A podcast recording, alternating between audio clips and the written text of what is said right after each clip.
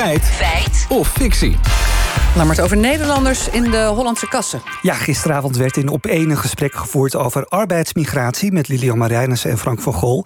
En daarin zei Van Gol het volgende over werken in die kassen. We willen allemaal graag dat de tomaten geplukt worden. Uh, we willen allemaal graag dat de schappen in de supermarkten vol blijven liggen.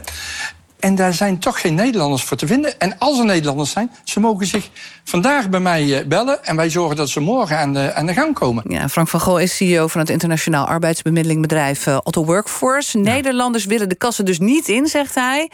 Is dat zo of, of, valt het wel mee? Nou, dat zijn we gaan checken. We vroegen ons allereerst af waarom komen arbeidsmigranten nou specifiek naar Nederland? Dat vroegen we aan Jelle van Lottem, arbeidsmigratiehistoricus van onderzoeksinstituut Huygens ING.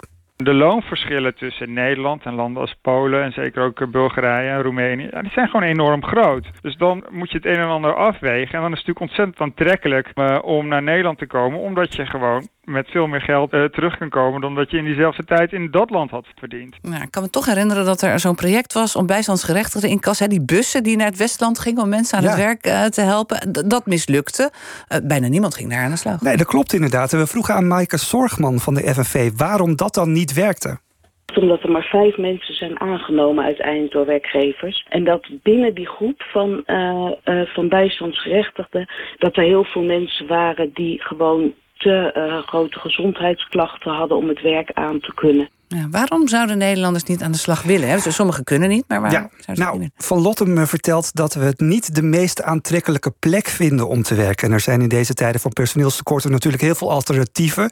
Toch is er ook heel veel kritiek. Zo is op Twitter te lezen dat bijvoorbeeld Nederlandse 45-plussers wel aan de bak willen, maar dat dat dan weer niet handig is. Van Lottem zegt daarover het volgende. Dit noemen we eigenlijk verdringing. Dus is er sprake van dat uh, uh, arbeidsmigranten Nederlanders verdringen van een speciale arbeidsmarkt? Nou ja, dat onderzoek wijst uit dat het op grote schaal niet, niet voorkomt. Maar je kan je natuurlijk heel goed voorstellen dat er bij individuele bedrijven het gewoon handiger is om via een uitzendbureau uh, een grote groep, nou, Polen bijvoorbeeld, aan te nemen, dan een, een, een, individueel contract met een Nederlander af te sluiten. Mm. Dus ja, ik zit nog even op die 45 plus. Ja, ik vond ook ineens heel oud. Ja.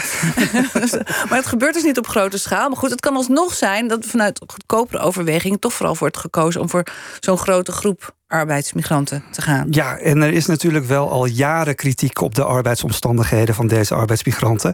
Dat vertelt ook dokter Karin Astrid Siegman, universitair hoofddocent arbeidsomstandigheden van de Erasmus Universiteit. De arbeidsomstandigheden zijn heel zwaar. En vanwege de contracten die in de productie meestal worden aangeboden, is de onzekerheden heel hoog. En dat heeft dan aan de ene kant te maken met veel arbeidsmigranten. Die hebben een urencontract, dus ze weten helemaal niet aan het eind van de maand hoeveel ze gaan verdienen. Contracten heel vaak zo dat um, arbeid en, en huurcontracten met elkaar verbonden zijn. Um, dan verlies je tegelijkertijd je, je huis. Ja. En als puntje bij paaltje komt, Lammert, heeft Frank van Gol, hè, Otto Workforce, dan gelijk? Ja, individuele gevallen daar gelaten. Op grote schaal werken Nederlanders inderdaad liever niet in de kassen, dus feit.